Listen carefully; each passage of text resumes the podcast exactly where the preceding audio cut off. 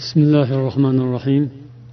الحمد لله رب العالمين والصلاة والسلام على سيدنا وحبيبنا محمد وعلى آله وأصحابه أجمعين. أما بعد عزيز برادر لر حرمت لي أكلر أكلر محترم ونخلنا رب الله السلام عليكم ورحمة الله وبركاته بس سيدر بلان يحشي خوف لر سلسلة ستدى صحبات لشكيل يتمز mana shu suhbatlarimiz so'nggirog'ida ota onaga yaxshilik qilish ularning roziliklarini olish undan keyin esa qarindosh urug'lik haqlari ustida suhbatlashdik. Endi navbatdagi mavzu mana shu yuqoridagi mavzularga ulanib ketadi desak bo'ladi. Sizlar nima deb o'ylaysizlar? Qani fikrlash doiramizni ham bir qarab boraylikchi ya'ni shu ikkita mavzudan keyin qaysi mavzu haqida gapirganimiz yaxshiroq bo'lardi? Nima deb o'ylaysizlar? Hmm. rahmat hasan akam to'g'ri aytyaptilar nazarimda. Ya'ni qo'ni qo'shnichilik haqida gapirishimiz kerak. Hamma mavzular ham muhim. Lekin qo'ni qo'shnichilik. Qo'shnichilik haqqini ham ko'pchiligimiz bilamiz avvalda aytganimizdek. Biz biladigan tanish mavzular qadimdan yoshligimizdan ota bobolarimizdan va ustozlardan ma'ruzalardan eshitib kelamiz. Qo'shnichilik haqi to'g'risida.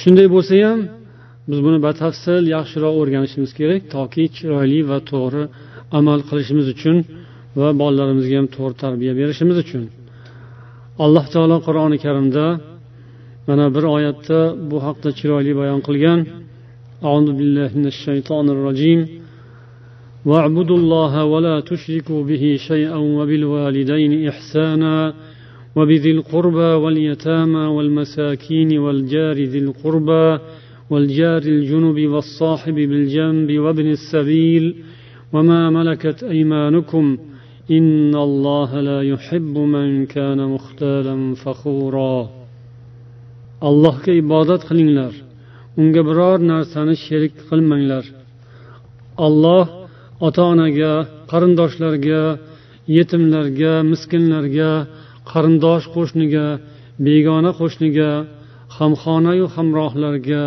musofirga qo'lingiz ostidagi kishilarga yaxshilik qilishga buyuradi shubhasiz olloh o'ziga bino qo'ygan maqtanchoq kimsani yaxshi ko'rmaydi degan. Bu qaysi surada keladi? Niso surasi o'ttiz oltinchi oyat rahmat.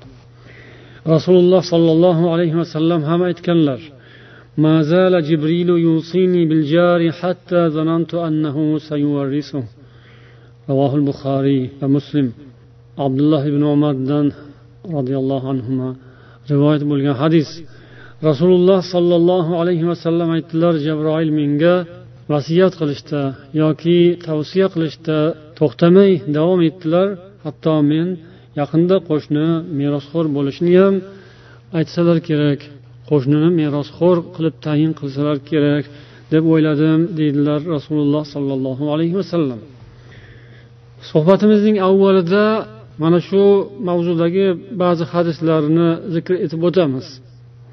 Keyin asosiy qismga kirishamiz. Bu hadislar agar sarlavhalasak o'rinli bo'lsa qo'shnichilik va iymon deb nom bersak bo'ladigan shu mavzudagi hadislar. ya'ni qo'shnichilikni gapirganlarida iymonga bog'lab gapirganlar shu hadislardan bir nechtasini eshitib o'taylik عن ابن عباس رضي الله عنهما أنه قال قال رسول الله صلى الله عليه وسلم ليس المؤمن الذي يشبع وجاره جائع payg'ambar sollallohu alayhi vasallam aytdilar qo'shnisi och bo'lgan odam mo'min emas demak bu yerda ham mana shu mo'min kalimasi iymon kalimasidan olingan allohga iymon keltirgan bo'lmaydi qo'shnisi och bo'lgan odam عن انس بن مالك رضي الله عنه قال قال رسول الله صلى الله عليه وسلم ما آمن بي من بات شبعان وجاره جائع إلى جنبه وهو يعلم به qo'shnisi och ekanligini bilgan holda uyquga yotgan odam menga iymon keltirgan bo'lmaydi dedilar ravohu tabaroniy val bazzar yana bir hadisda abu hurayra roziyallohu anhu rivoyat qiladilar rasululloh sollallohu alayhi vasallam aytdilar man kana yu'minu billahi val yawmil oxiri fala yu'zi jarah kimki allohga va oxiratga iymon keltirgan bo'lsa qo'shnisiga ozor bermasin ومن كان يؤمن بالله واليوم الآخر فليكرم ضيفه kimki allohga va oxirat kuniga iymon keltirgan bo'lsa mehmonini hurmat qilsin Yana bu hadisning davomida kimki allohga va oxirat kuniga iymon keltirgan bo'lsa yaxshi so'zni gapirsin yoki jim tursin dedilar. Ravohil buxoriy va muslim. Yana muslim rivoyat qilgan hadislarida rasululloh sollallohu alayhi vasallam man kana yu'minu billahi val yawmil oxiri falyuhsin ila jarihi dedilar. Kimki allohga va oxirat kuniga iymon keltirgan bo'lsa qo'shnisiga yaxshilik qilsin. Mana shunga o'xshagan hadislar judayam ko'p. Ya'ni hammasida qo'shnichilikni qaysi sifat bilan bog'ladilar? Iymon bilan bog'ladilar. Ya'ni allohga iymon keltirgan odam va oxirat kuniga iymon keltirgan. Shundan qo'rqqan odam albatta qo'shnisini esdan chiqarmaydi va qo'shnilik haqqini chiroyli ado etadi. Yana bir hadis termiziy rivoyat qilganlar abu hurayradan rasululloh sollallohu alayhi vasallam bir kuni sahobalarga aytdilar man ya'khudhu anni haula'il kalimat fayamalu bihinna aw yuallimu man ya'mal bihin mendan mana bu kalimalarni kim qabul qilib oladi shunga amal qilish uchun yoki amal qiladigan odamga o'rgatish uchun dedilar قال أبو هريرة قلت يا أنا يا رسول الله من يا رسول الله dedilar abu hurayra roziyallohu anhu Shunda deydilar payg'ambar sollallohu alayhi vasallam mani qo'limdan ushlab turib beshta narsani sanadilar. Ittaqil maharima takun abadan nas. Alloh harom qilgan narsalardan taqvo qil qo'rq. Shunda eng ibodatli odam bo'lasan. Ya'ni eng ko'p ibodat qiluvchi odam bo'lasan. Alloh senga nimani taqsim qilib nasib etgan bo'lsa shunga rozi bo'l eng boy odam bo'lasan. Qo'shningga yaxshilik qil shunda mo'min bo'lasan.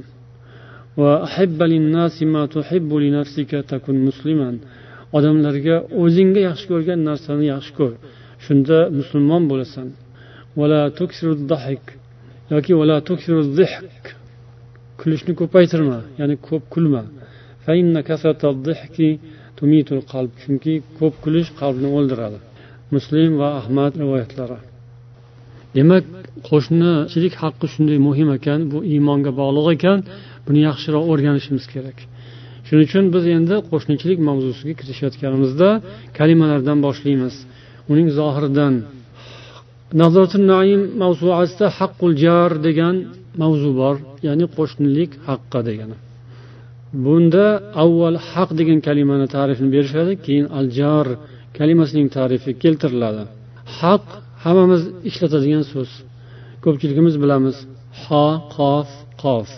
Uchta harfdan iborat bo'lgan o'zagi allati tadullu ala ihkam shayin va sihhatihi bu bir narsani mustahkam qilish mukammal qilish sog'lom barpo qilish yoki bir narsa sog'lom bo'lishi durust bo'lganini anglatgan kalima.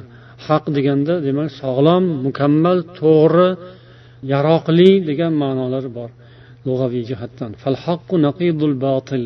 Haq botilning ziddi. Vahidul huquq uni ko'pligi huquq bo'ladi. Har ikkisini ham biza ishlatamiz o'zbekchada. Lekin ko'plik birlik qilib o'tirmaymiz duch kelganni ishlatib ketaveramiz. Uni o'rnida buni buni o'rnida uni ishlataveramiz noto'g'ri qilmaymiz har holda. U ham bu ham to'g'ri. Haq huquq biri birlikda ikkinchisi ko'plikda endi qo'shni kalimasiga kelamiz al jaru lug'atan rog'ibu al jaru man yaqrubu maskanuhu minka uyi sizga yaqin bo'lgan odam bu qo'shni bu kimning tarifi ekan rog'ibning tariflari وهو من الأسماء المتضايفة فإن الجار لا يكون جارا لغيره إلا وذلك الغير جارا له كالأخ والصديق bu bir biriga izofa bo'ladigan ismlardandir. Ya'ni bir biriga qo'shilib yonma yon keladigan ma'nolarida. Ya'ni qo'shimchasi bilan jufti bilan keladigan ma'nosi juft bilan bo'lgan ma'nosi juftlikni taqozo qiladigan kalimalardandir. Ya'ni buning ma'nosi shuki qo'shni deganda bir qo'shni boshqasiga qo'shni bo'ladi lekin o'sha boshqasi ham bunga qo'shni bo'ladi. Ya'ni qo'shni deganda bitta odam bilan vujudga kelmaydi bu qo'shnichilik. Qo'shni bo'lish uchun bir boshqa odam kerak bo'ladi yonida. Lekin qizig'i shundaki desak ham bo'ladi yoki ajoyib tomoni shundaki o'sha buni qo'shni bo'lishiga xizmat qilgan odam ham qo'shni va unga bu ham qo'shni. Shu ya'ni. Aka yo uka bo'lishi uchun ham bir nechta bo'lishi kerak yo kamida ikkita bo'lishi kerak. Do'st bo'lishni ham shunaqa. Do'stlik ham kamida ikki kishini taqozo qiladi. Qo'shnichilik ham kamida ikki kishini taqozo qiladi. O'zgani. Bu o'zgaga qo'shni u o'zga bunga qo'shni. Ya'ni qo'shni kalimasini shunday tadqiq qilyaptilar ulamolar. Qo'shni deganda mana shu jihati ham esimizdan chiqishi kerak emas. Endi va حق الجار عقلا وشرعا عبر عن كل من يعظم حقه أو يستعظم حق غيره بالجار qo'shni haqqi aqliy jihatdan ham naqliy jihatdan ham aqlan ham shar'an ham nihoyatda buyuk ustun bo'lgani uchun shori ya'ni shariat joriy qiluvchisi haqqi buyuk bo'lgan haqqi ulkan bo'lgan har bir shaxsni qo'shni deb ta'riflagan.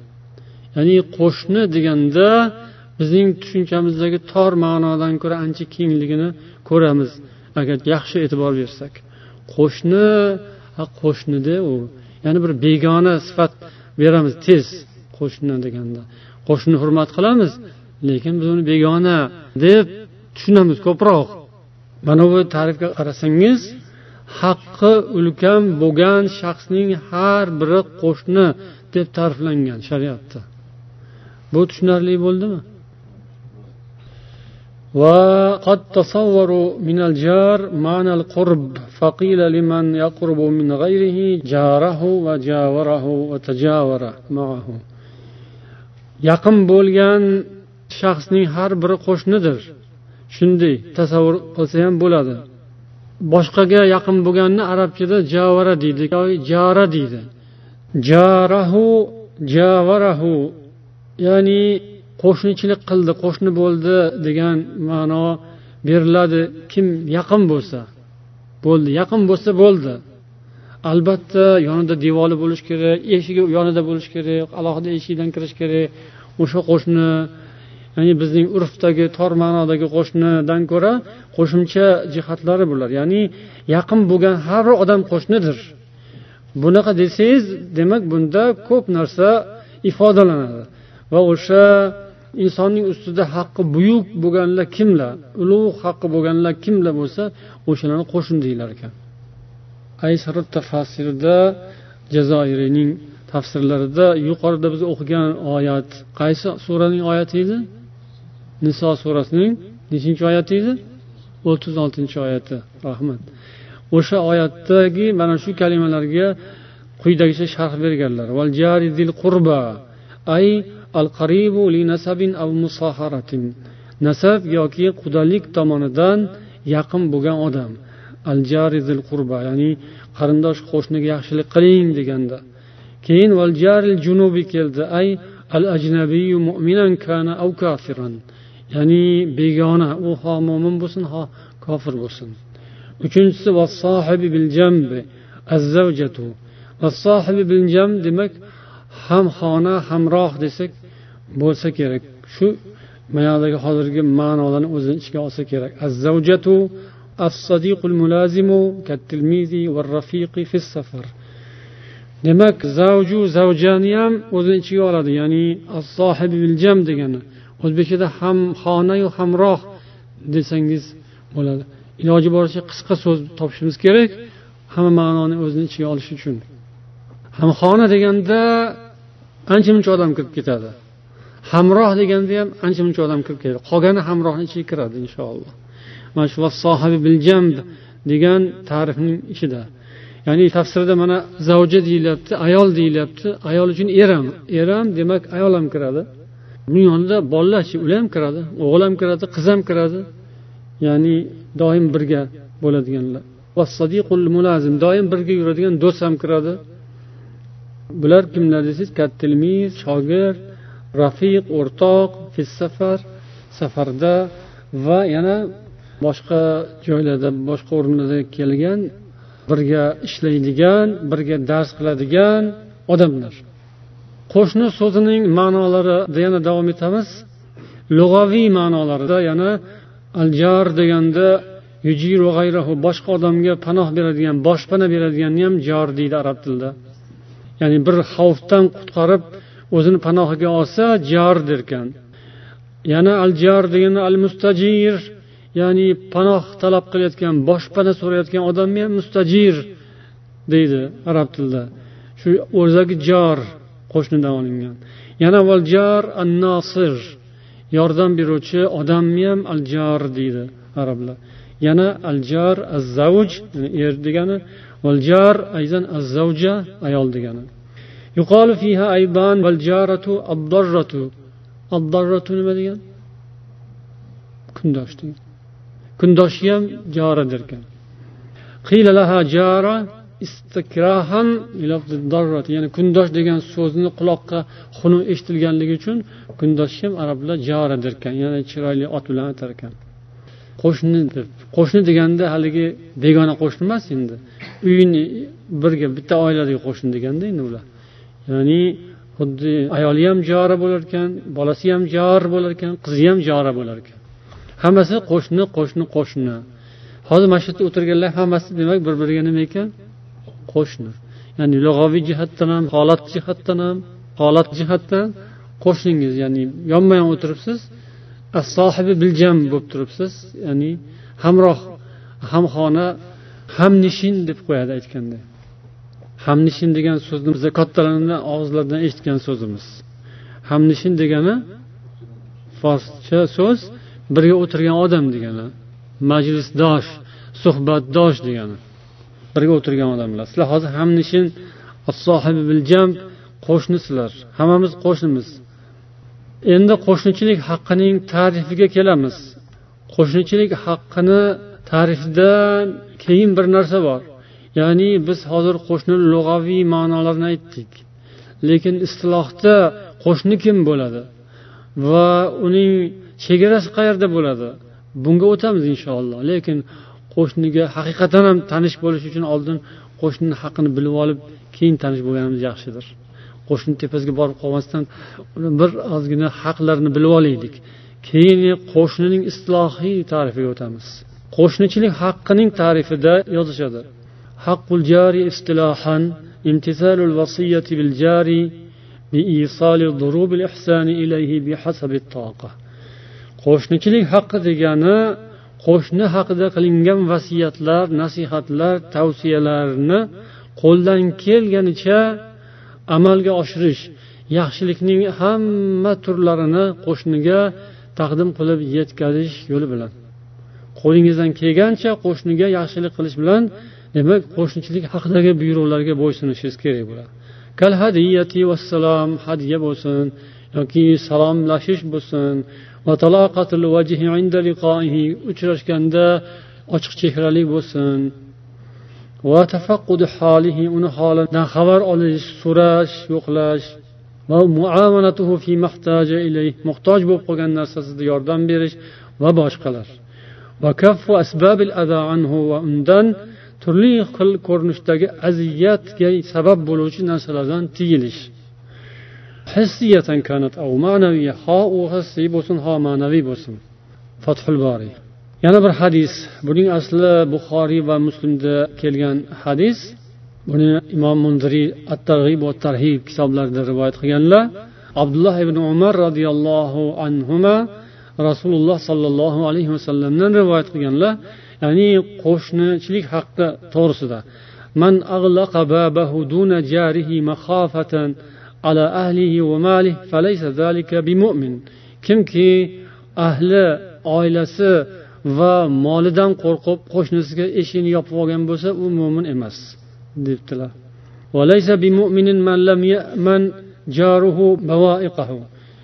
qo'shnisi uning yomonliklaridan xotirjam bo'lolmagan mo'min emas ya'ni qo'shnidan doim xavotirda tursa kimdir o'sha qo'shni mo'min emas ya'ni kofir degani emasku haqiqiy musulmon emas o'sha.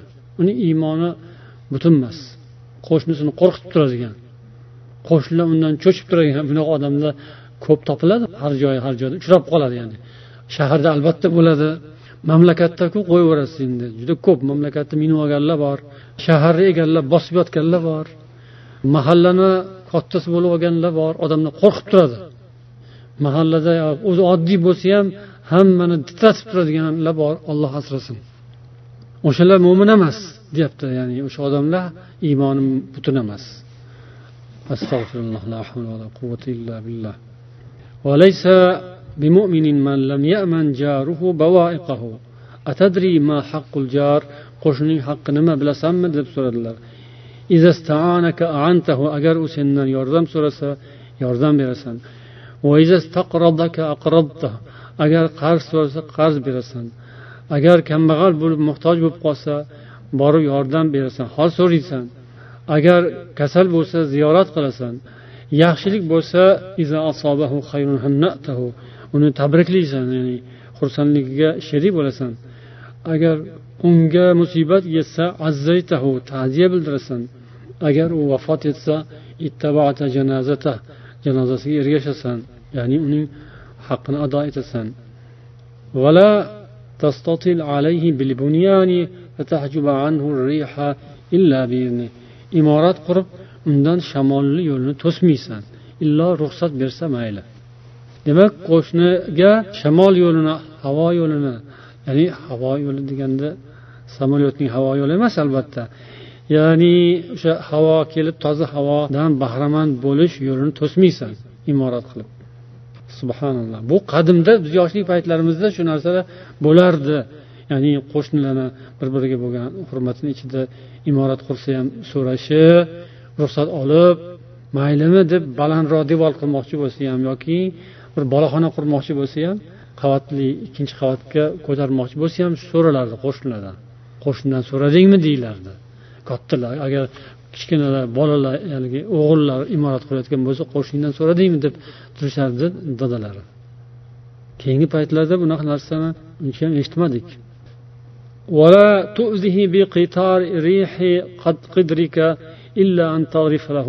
Ya'ni qozoningning hidi bilan unga ozor bermaysan. Illo agar unga ham bir cho'mich uzatsang. Agar unga ham bir cho'mich uzatsang mayli bo'lmasam qozoningni hidi bilan uni dilini og'ritma.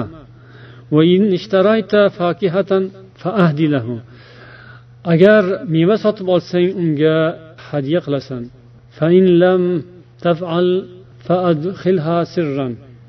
Agar bunday qilmasang o'shani ko'rsatmasdan olib kirasan.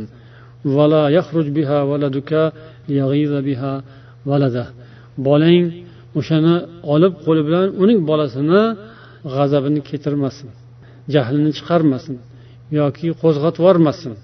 Ya'ni qo'shni bilmadi sizga kelgan narsani. Ya'ni bu eng past holati endi. Agar shunaqa bo'ladigan bo'lsa bergin kelmasa nafsing kuchlilik qilib ketgan yoki hokazo yoki judayam muhtojliging ortiq o'zingda o'zingni ahvoling judayam abgor qo'shniga bersang bolang och qoladigan shunaqa bo'lsa bolang uni qo'lida ko'tarib olib chiqib qo'shni bolasiga ko'rsatib uni jahlini chiqarmasin uni xafa qilmasin yoki. Avval boshlab unga muruvvat qil qo'shniga muruvvat qilish kerak. Muruvvat qilish qo'lidan kelmasa uni xafa qilish kerak emas. Imom g'azzoliy o'zlarini ihyoul ulumiddin kitoblarida yozadilar qo'shnining haqqi umumiy tarzda unga birinchi bo'lib salom berish u bilan gapni ko'p cho'zmaslik. Uni haqidagi gap so'zlarni savollarni ko'paytirmaslik undan hol so'rayotganda.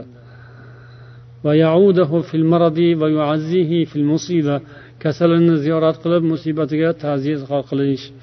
Mana yuqorida u bilan gapni cho'zmaslik va savolni ko'paytirmaslik degani to'g'ri tushundinglarmi ishqilib ya'ni buni ikki xil tomoni bor edi. Buni ba'zilar boshqacha tushunmasin. Ya'ni gapni qisqa qil kalta qil. U bilan ko'p gaplashma u bilan degan ma'noda emas. Ya'ni uni ushlab olib gapga solib cho'zaverish ham yaxshi emas. Ba'zi odam sergap bo'ladiyu. Mahmadana sergap deyiladi. Ya'ni mayda gap deyishadi. Gapni cho'zib ushlab turadi. Namozdan keyin narigi namoz vaqtigacha ham yetadi uni gapi agar bekorchi quloq bo'lsa cho'zaveradi quyaveradi to'lmaydi hech qachon tugamaydi uniki ham. Unaqa bo'lmasin degan ma'noda. Hol so'rashda ham uni ham chegarasi bor. Endi hol so'rab maydalab juda bir ichiga qat qatlarga kirib ketish yaxshi emas. Chok chokni aylantirib avra astar paxtasini chiqarib hidlab chiqqanga o'xshash kerak emas bunaqa qilish. Bunday bir zohirdan chiroyli bo'lib hol o'tib ketaverish kerak. Xuddi birov tomonidan yuborilganga o'xshab qolish kerak emasda shu ma'noda ya'ni ko'p savollarni ko'paytirish kerak emas. Unga malol kelishi mumkin. O'ziga ham malol keladi o'sha insonni. O'zlariga qolganda uncha muncha gapni gapirgisi kelmaydi sirni uncha boy bergisi kelmaydi. Bir og'iz so'z ortiqcha bo'lib ketadi lekin boshqaniki kelganda nimaga bekitadi u? Nimaga ochiqroq qilmaydi degan qoidaga o'tadi. Undoq emas. Xursandlik paytda unga xursandlik izhor qilish. Va ya'ni o'sha xursandligiga sherik ekanligini izhor qilish. Uni xatolaridan ko'z yumish kechirish. Tomga chiqib uning yashirgan narsalarga ko'z solmaslik. Bunaqasi ham bo'ladi.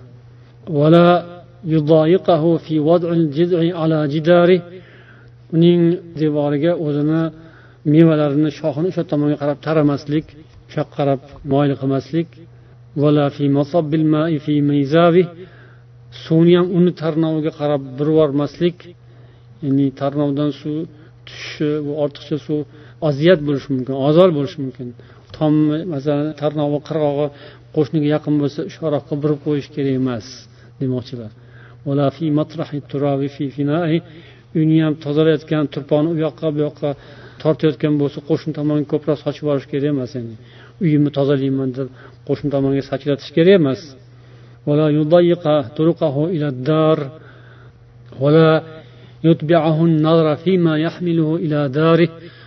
Qo'shnisi uyiga olib kirib ketayotgan narsaga ko'z tikmaslik shunga qarab turmaslik. Hali yuqorida aytganga go'yoki o'zicha unda mani ham haqqim bor uyga olib kelayotgan narsadan u ham bu yoqqa berish kerak degan pastkash fikrga borish kerak emas. Boshqani qo'lidagi narsadan ko'zni olib qochish kerak ko'zni yumish kerak. Qo'shni baxilroq bo'lsa ham umuman gapirish kerak emas yoki undan hech narsa umid qilish kerak emas. O'zi u tamaga kiradi. Tamagirlik haqida gapirdik. Pastkashlik va ochko'zlik bo'ladi. Uni avratlari ya'ni uyat bo'ladigan. Uning uchun bu gap so'z uyat or nomus bo'ladigan obro'siga putur bo'ladigan narsa chiqqan bo'lsa bekitish kerak. Bu qo'shnini haqqi. lekin buni ham aksi bo'ladi ba'zi joylarda iloji boricha ochgisi keladi shunaqa ochilsa xursand bo'lgani bilinib qoladi u odamni yuzidan turishidan tilini tiysa ham lekin ko'zini yuzini tiya olmaydi odam xursand bo'lgani bilinib qoladi qo'shnisini aybi ochilib gap so'z bo'lsa billah astag'firulloh yopish kerak من سرعته إذا نابته نائبة ولا يغفل عن ملاحظة داره عند غيبته ولا يسمع عليه كلاما ويغض بصره عن حرمته ولا يديم النظر إلى خادمته ويتلطف بولده في كلمته ويرشده إلى ما يجهله من أمر دينه ودنياه. فأنا برقنش نصيحات لنا قلب أتكلر يعني أو غايب بغن يو بغن محل ده اونا همايا سدت بوبترش أو حق داگه يمان قبلان اشت مسلك و uning oilasiga ahliga nazar solmaslik undan ko'zini yumish va xodimasi bo'lsa unga ham qaramaslik bolasiga shirin kalimalarni aytib iltifot qilish u esdan chiqarib qo'ygan din va dunyo ishini eslatib turish. Dedilar kim? Imom g'azzoliy rahmat. Qaysi kitobda? Rahmat. وقال أيضا اعلم أنه ليس حق الجوار كف الأذى فقط bilgilki qo'shnilik haqqi qo'shniga aziyat yetkazishdan tiyilishning o'zi emas balki deb yana bu yoqda davom etyaptilar qani nima deb o'ylaysizlar nima deganlar unga yaxshilik qilish shunaqa desangiz kerak deb turuvdim shunaqa dedingiz lekin unaqa emas ko'pchilik shunaqa desa kerak lekin bu yerda boshqa gap man o'zim ham o'qiganimda sizga o'xshavdim masjidga kelganda ha yaxshilik qilishdi unga yomonlik qilish kerak emas o'rniga yaxshilik qilish kerak edi shunaqa desalar kerak edi degan fikr keladi odamga. Ozorni ko'tarish rahmat. Bal ehtimolul aza uni ozorini ko'tarishingiz kerak. O'shanda siz qo'shniga yaxshilik qilgan bo'lasiz. Unga ozor yetkazish kerak emas albatta yaxshilik qilish kerak buni hamma ham biladi. Bola ham biladi qo'shniga nima qilish kerak? Qo'shniga yaxshilik qilish kerak deb turadi bola. Lekin mana bunisini ba'zi kattalar ham bilmaydi. Qo'shniga ozor yetkazish kerak emas degandan keyingisi qo'shni ozorini ko'tarish kerak. Buni kattalar bilmaydi. Ba'zilar ba'zilar biladi. Lekin yana aytyaptilarki ozorni ko'tarish ham yetmaydi. Ozorni ko'tarish bilan ham kifoya qilish kerak emas. Subhanalloh. Nima qilish kerak? Nima qilish kerak? Labay? Endi yaxshilik qilish kerak. Rahmat. Bal labudda yaxshilikni ham mana boshqacha ancha nozik ko'rinishi ekan. Bal labudda minar rifqi va isda il xayri val ma'ruf. Balki muloyim bo'lish kerak. Muloyimlik ko'rsatish kerak. Subhanalloh. Alloh nasib etsin. Alloh nasib etsa bo'ladi bu. Va isdoil xayri val ma'ruf. yaxshilikni ko'proq qilish kerak unga إذ يقال إن الجار الفقير يتعلق بجاره الغني يوم القيامة فيقول aytiladiki deydilar qiyomat kuni kambag'al qo'shni boy qo'shniga osiladi va aytadiki yo robbi sal hada lima mana'ani ma'rufahu va sadda babahu duni ey robbim so'ragin bundan nima uchun u mendan yaxshiliklarini to'sib qolgan nima uchun meni yuzimga eshigini yopib qo'ygan deydi المصدر السابق والصفحة نفسها o'tgan oldindagi manba u manba nima edi rahmat endi mana qo'shnilik haqqi haqida ba'zi narsalarni bildik eshitdik endi nimaga kelamiz kim qo'shni qo'shni kim ekan degan nuqtaga kelamiz قال ابن حجر رحمه الله واسم الجار يشمل المسلم والكافر qo'shni degan ism musulmonni ham kofirni ham o'zini ichiga oladi. Qo'shnini tarifiga kelyapmiz. Endi qo'shnini taniymiz hozir. Ibodatgo'y ibodat qiluvchiniyu ibodat qilmaydiganni ham fosiqni ham o'zini ichiga oladi. Do'stni ham dushmanni ham o'zini ichiga oladi. Dushman ham qo'shni. Subhanalloh. Begona boshqa yurtdan kelib qolganni ham va o'sha yurtlik asl mahalliy xalq deymizu uni ham o'zini ichiga oladi. Foyda yetkazib turadigan odam bor zarar tegib turadigan odam bor. Ikkalasini ham o'zini ichiga oladi. Qarindoshi ham begonani ham. Aqraba daran val abad uyi yaqini bor uyi uzoqroq bor. Uyi ham buyi ham. bu masalani o'zini darajalari bor biri ikkinchisidan balandroq bo'ladi من اجتمعت فيه الصفات الأول كلها ثم أكثرها وهلم جرا eng a'losi ya'ni qo'shnini bir biridan farq bo'ladi deganda eng a'losi mana shu birinchi sifatlarning hammasi jam bo'lgani yoki ko'prog'i jam bo'lgani nima degani bu birinchi sifatlar degani Birinchi sifatlar jam bo'lgan hammasi jam bo'lgan eng a'lo qo'shni. Nima bu birinchi sifatlar? Ya'ni hozir yuqorida sanalganlar hammasi juft juft sanaldi. Ya'ni ijobiy salbiysi juft qarama qarshisidan sanaldi. Musulmon kofir begona qarindosh yaxshi yomon do'st dushman. Hammasini birinchisi birinchisi ijobiy sifatli edi. O'sha birinchidagi sifatlar ijobiy sifatlar jam bo'lgan qo'shni bo'lsa boshga ko'tarib oladigan qo'shni bo'ladi o'sha. Ya'ni yelkangizga ko'tarib olsangiz ham bo'laveradigan ya'ni eng a'lo qo'shni bo'ladi. Yoki hech bo'lmaganda ko'prog'i jam bo'lsa endi unisi ham bo'lmasa unisi ham bo'lmasa mayli. Har holda manaqasi manaqasi deb sanasangiz ancha muncha barmog'ingiz ishlaydigani bo'lsa u ham yaxshi. Teskarisi esa buni teskari sifatlari jam bo'lganidir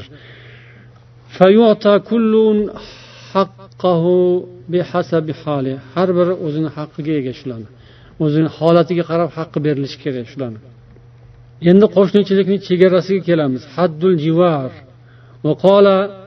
u kishi aytadilar kim u kishi ibn hajar rahmat qaysi kitobda aytyaptilar fathul boriy rahmat ya'ni qo'shnilik chegarasida bir qancha fikrlar bor فجاء عن علي رضي الله عنه من سمع النداء فهو جار ali roziyallohu anhudan shunday rivoyat bo'lgan azonni eshitgan odam qo'shni ya'ni masjiddan turib azon aytsa masjidni minorasi bor minorasi yo'q minoraga chiqib azon aytadigan bo'lsa shu azon qayergacha yetib borsa o'sha yerdagilar hammasi bir biriga qo'shni subhanalloh وقيل من صلى معك صلاة الصبح في المسجد فهو جار sen bilan bomdod namozini masjidda o'qigan odam o'sha qo'shni bomdod namozida siz bilan birga o'qigan o'sha qo'shni ya'ni ma'naviy qo'shni degan izzatu ikromga loyiq odamlar o'shalar وعن عائشة رضي الله عنها haddul jivari arbauna daran min kulli janib. Demak qo'shnilik chegarasi deydilar oysha roziyallohu anhu onamiz hamma tomondan qirqta hovli. Qadimda hovlilar bo'lganda hozirga o'xshagan domlar bo'lmaganku qavat qavat imoratlar bo'lmaganku bitta imoratni ichiga bitta mahalla bemalol joy bo'lib ketaveradi hozir endi. Lekin qadimda demak bu u yoqqa bu yoqqa to'rt tomonga qirqtadan hovlini hisoblasangiz bitta kichkina shaharcha bo'lib qoladi. Yoki bir qishloqcha bo'ladi qishloq desak ham bo'ladi. Xullas bu islom dinining odamlarni bir biriga bo'lgan munosabatlarini isloh qilishda insonlarni bir biriga do'st ulfat inoq va ittifoq qilishdagi uslubini qarang. Sizni yo ota ona deb ulug'laydi sizni yo aka deb ulug'laydi yo uka deb ulug'laydi kichkina bo'lsangiz. Aka uka bo'lmasa sizni hech bo'lmasa amaki deb ulug'laydi tog'a deb ulug'laydi qarindosh deb ulug'laydi. Agar hech narsasi bo'lmasa qarindoshi ham boshqasi ham bo'lmasa qo'shni deb ulug'laydi. Hamma tomonlama islom sizni ko'taradi. Ya'ni musulmonni insonni aziz mukarram qiladi. Uni maqtaydi har xil sifatlarini har xil jihatlarini olib. Bu ham din islomning bag'ri kengligi oliyjanobligi ilohiy samoviy haq din ekani yer yuzi uchun odamzod hayoti uchun jamiyat uchun eng maqbul eng zarur eng munosib ta'limot ekanini ko'rsatadi. Qo'shniga bunaqa tarzda yondashadigan avvalda aytganimizdek qarindoshlarga bo'lgan edik. Qo'shniga begonalarga insonlarga bu tarzda muruvvatli bo'lishga chaqiradigan biror bir ta'limot yo'q biror bir partiya ham yo'q. Hali aytganimizdek o'tgan safar biron bir siyosiy partiyani platformasida yoki programmasida yo'q bu narsalar. Ular buning uchun bular ular uchun ortiqcha narsalar. Bundan ham ko'ra muhimroq narsalar bor ularni. Lekin u narsalar hech qachon qo'lga kirmaydi. Unday muhim cho'qqilarga hech qachon o'lsa ham tirilsa ham qaytib kelsa ham yetmaydi. Bu yo'ldan yurmaguncha mana shu olloh payg'ambar islom ko'rsatgan bu qoidalarga amal qilmaguncha insonlar bu dunyoda baxtli bo'la olmaydilar قال ابن حجر أيضا والجار القريب من بينهما قرابة والجار الجنوب بخلافه وهذا قول الأكثر yaqin qo'shni qarindosh qo'shni va begona qo'shnilarga bo'linadi yuqorida oyatda ham kelgan edik va bularni qaysi biri ya'ni sizning muruvvatingizga ehsoningizga munosib loyiq desa albatta yaqin turadigani va sifatlari bilan sizga yaqin bo'lgani va boshqasi ham bundan chetda qolib ketishi kerak emas قال رسول الله صلى الله عليه وسلم إذا أراد الله بعبد خيرا عسله قيل وما عسله قال يحببه إلى جيرانه أي طيب ثناه فيهم agar deydilar rasululloh sollallohu alayhi vasallam alloh taolo bir bandaga yaxshilikni xohlasa uni asalga bog'lab qo'yadi deymizmi o'zbekcha qilganimizda yoki asal qilib qo'yadi uni hayotini asal qilib qo'yadi unga alloh taolo asalni nasib etadi degan ma'nolarda aytish mumkin ya'ni asal kalimasi bilan kelgan buni ma'nosi nima degan savolni o'sha paytda sahobalar ham berishgan ekan. Ya'ni uni asal qilib qo'yishi degani nimasi bu? Qanaqa qiladi asal? Asal degan ibora o'zi bor o'zbek tilida ham. Asalni qo'shib gapiriladigani vaqtga qo'shib oyga qo'shib gapirishadi asalni boshqa narsaga qo'shib gapirishadi. Bor ya'ni asal degan narsani arablar ishlatgandek o'zbeklar ham ishlatadi o'zbeklar ham biladi asalni mazasini. Shuning uchun bu bizga begona emas asal qilib qo'yadi degani. Endi buning ma'nosi nima degani? Ay fihim. Ya'ni o'shalarning ichida buning zikri asaldek yuradi. Ya'ni chiroyli qilib qo'yadi yaxshi qilib qo'yadi.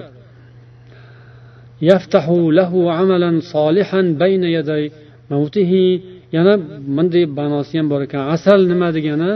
Alloh unga yaxshilikni xohlasa uni asal qilib qo'yadi asalga hamroh qilib qo'yadi asalga yaqin qilib qo'yadi. Hayotini asalga aralashtirib qo'yadi deganning ma'nosida yana amalan solihan bayna yaday mavtihi o'lim oldida unga chiroyli solih amalni ochib qo'yadi nasib etadi. Hatto man havlahu shunday bo'ladiki atrofidagi odamlar undan rozi bo'lishadi. Ay ja'ala ja'alalahu minal amali solihi sanaan tayyiban.